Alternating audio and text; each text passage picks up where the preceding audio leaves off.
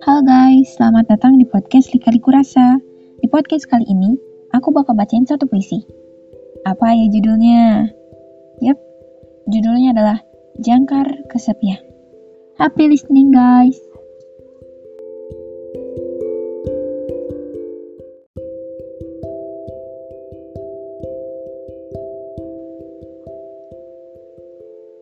Kini, aku benci mendengar suara hatiku sendiri Suara yang membuatku kalut dalam kekesalanku hari ini.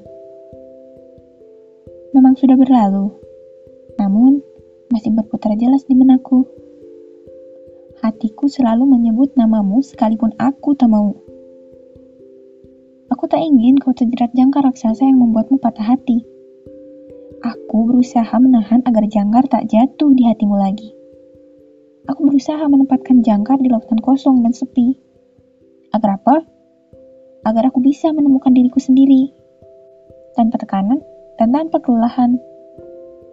Berharap terlalu kuat memang amat menyakitkan. Namun, bukankah puan ini orang yang tak suka sendirian?